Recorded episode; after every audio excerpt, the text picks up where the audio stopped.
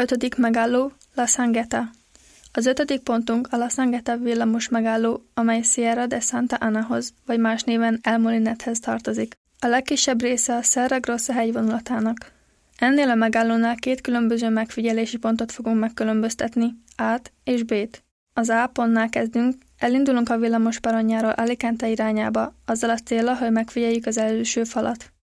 Az a fal mesterségesen lett kialakítva egy olajfinomító elhelyezésére, amely 1875 és 1966 között működött.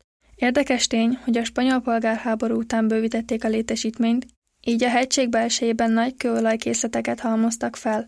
Ez a raktár, bár már üres, még ma is létezik. Most a csupasz falat láthatjuk magunk előtt egyedülálló módon kiemelve mind a mészkőrétegeket, mind az ezekben látható töréshálózatot. A Burdigelian kortól a Szerrevaianig bizonyára egy hosszúkás és nagyon aktív üledékmedence terült el.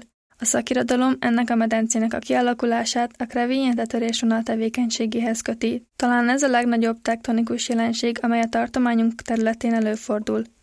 Ez a törés vízszintesen mozog, ami azt jelenti, hogy amikor megtörik és elcsúszik egy medencét, lejtőt hoz létre, szakszóval széttartó medencét. A medencét tengeri töltötte fel több, egymást követő időszakban. Később, a késő miocén folyamán ez az üledék nyomás hatására felemelkedett, rétegeződött és megtört. Ez a folyamat egészen mostanáig tart. A megfigyelt törésvonal egy vetődésekből álló sűrű hálózatot formáz, melyek néha keresztezik egymást, ezek a fő vetődések és mellékágaik. A normál vetődések azért keletkeznek, mert időben nem egyenletes nyomás alatt áll a kőzet, és létrehozza a megfigyelhető elmozdulást, Végig követhetjük a falon a gyűrődés nyomait és mintázatát, továbbá kiszámíthatjuk, mely részek alakultak ki egyszerre, és mennyit nyúlt a hegytömb. Így itt egy didaktikailag nagyon jelentős képződményről van szó. A vetődések mellett érdemes megfigyelnünk a kőzet rétegeket is. A fal többé-kevésbé vastag és kiálló részein látható a sárga mészkavics egyik fajtája, mely gazdag vörös algában, mohállatok fennmaradt darabjaiban, különböző kagylófajták maradványaiban és glaukonitban. Ha követjük a rétegek vonulását szemünkkel, láthatjuk, hogy néhol beékelődtek és eltűnnek. A fal alsóbb részén ez a jelenség egy folyamatosnak tűnő ferde formát alkot. Az alakzat megfigyelését követően menjünk a B ponthoz. Elhagyjuk a fensíkot egy tágas alagúton keresztül, és körülbelül 80 méter múlva elérjük a Lacantera nagy kőfejtő nevű nagy sétányt. Innen szemügyre vehetjük az egész falat egy másik szemszögből. A ferde felszínt végig követhetjük a szikla egészén, mint ahogy a törésvonalak hálózatát is.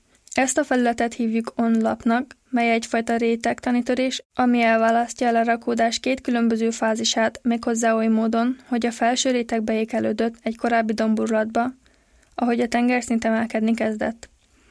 Végezetül szeretnénk kihangsúlyozni, hogy az ebből és a Sierra-ban lévő más kőbányákból nyert kőből az úgynevezett San Julian kövéből épült fel a városháza, vagy a Szent Miklós társkatedrális is. Viszont a kifejtés miatt is jöttek létre szakadékok, amik tovább csökkentik a hegytömb stabilitását, valamint jelentős geológiai kockázatot jelentenek.